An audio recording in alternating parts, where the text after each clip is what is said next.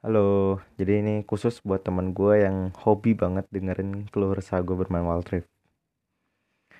Emang sih gue nggak bakal buat uh, keluh resah tentang Wild Rift lagi, uh, karena emang gue udah bosen gitu tentang untuk mendeskripsikan penderitaan yang gue alamin di Wild Rift.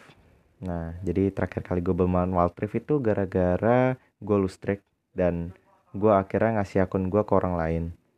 Tapi ya gitulah orangnya nggak mainin dan gue agak gimana gitu. Akhirnya gue main lagi dan ya agak males aja buat ceritain lagi. Nah ini aja ya mungkin 39 detik 41 udah cukup lah untuk mendeskripsikan sebetapa malesnya gue curhat tentang Waltrif lagi gitu. Uh, terima kasih yang sudah mendengarkan.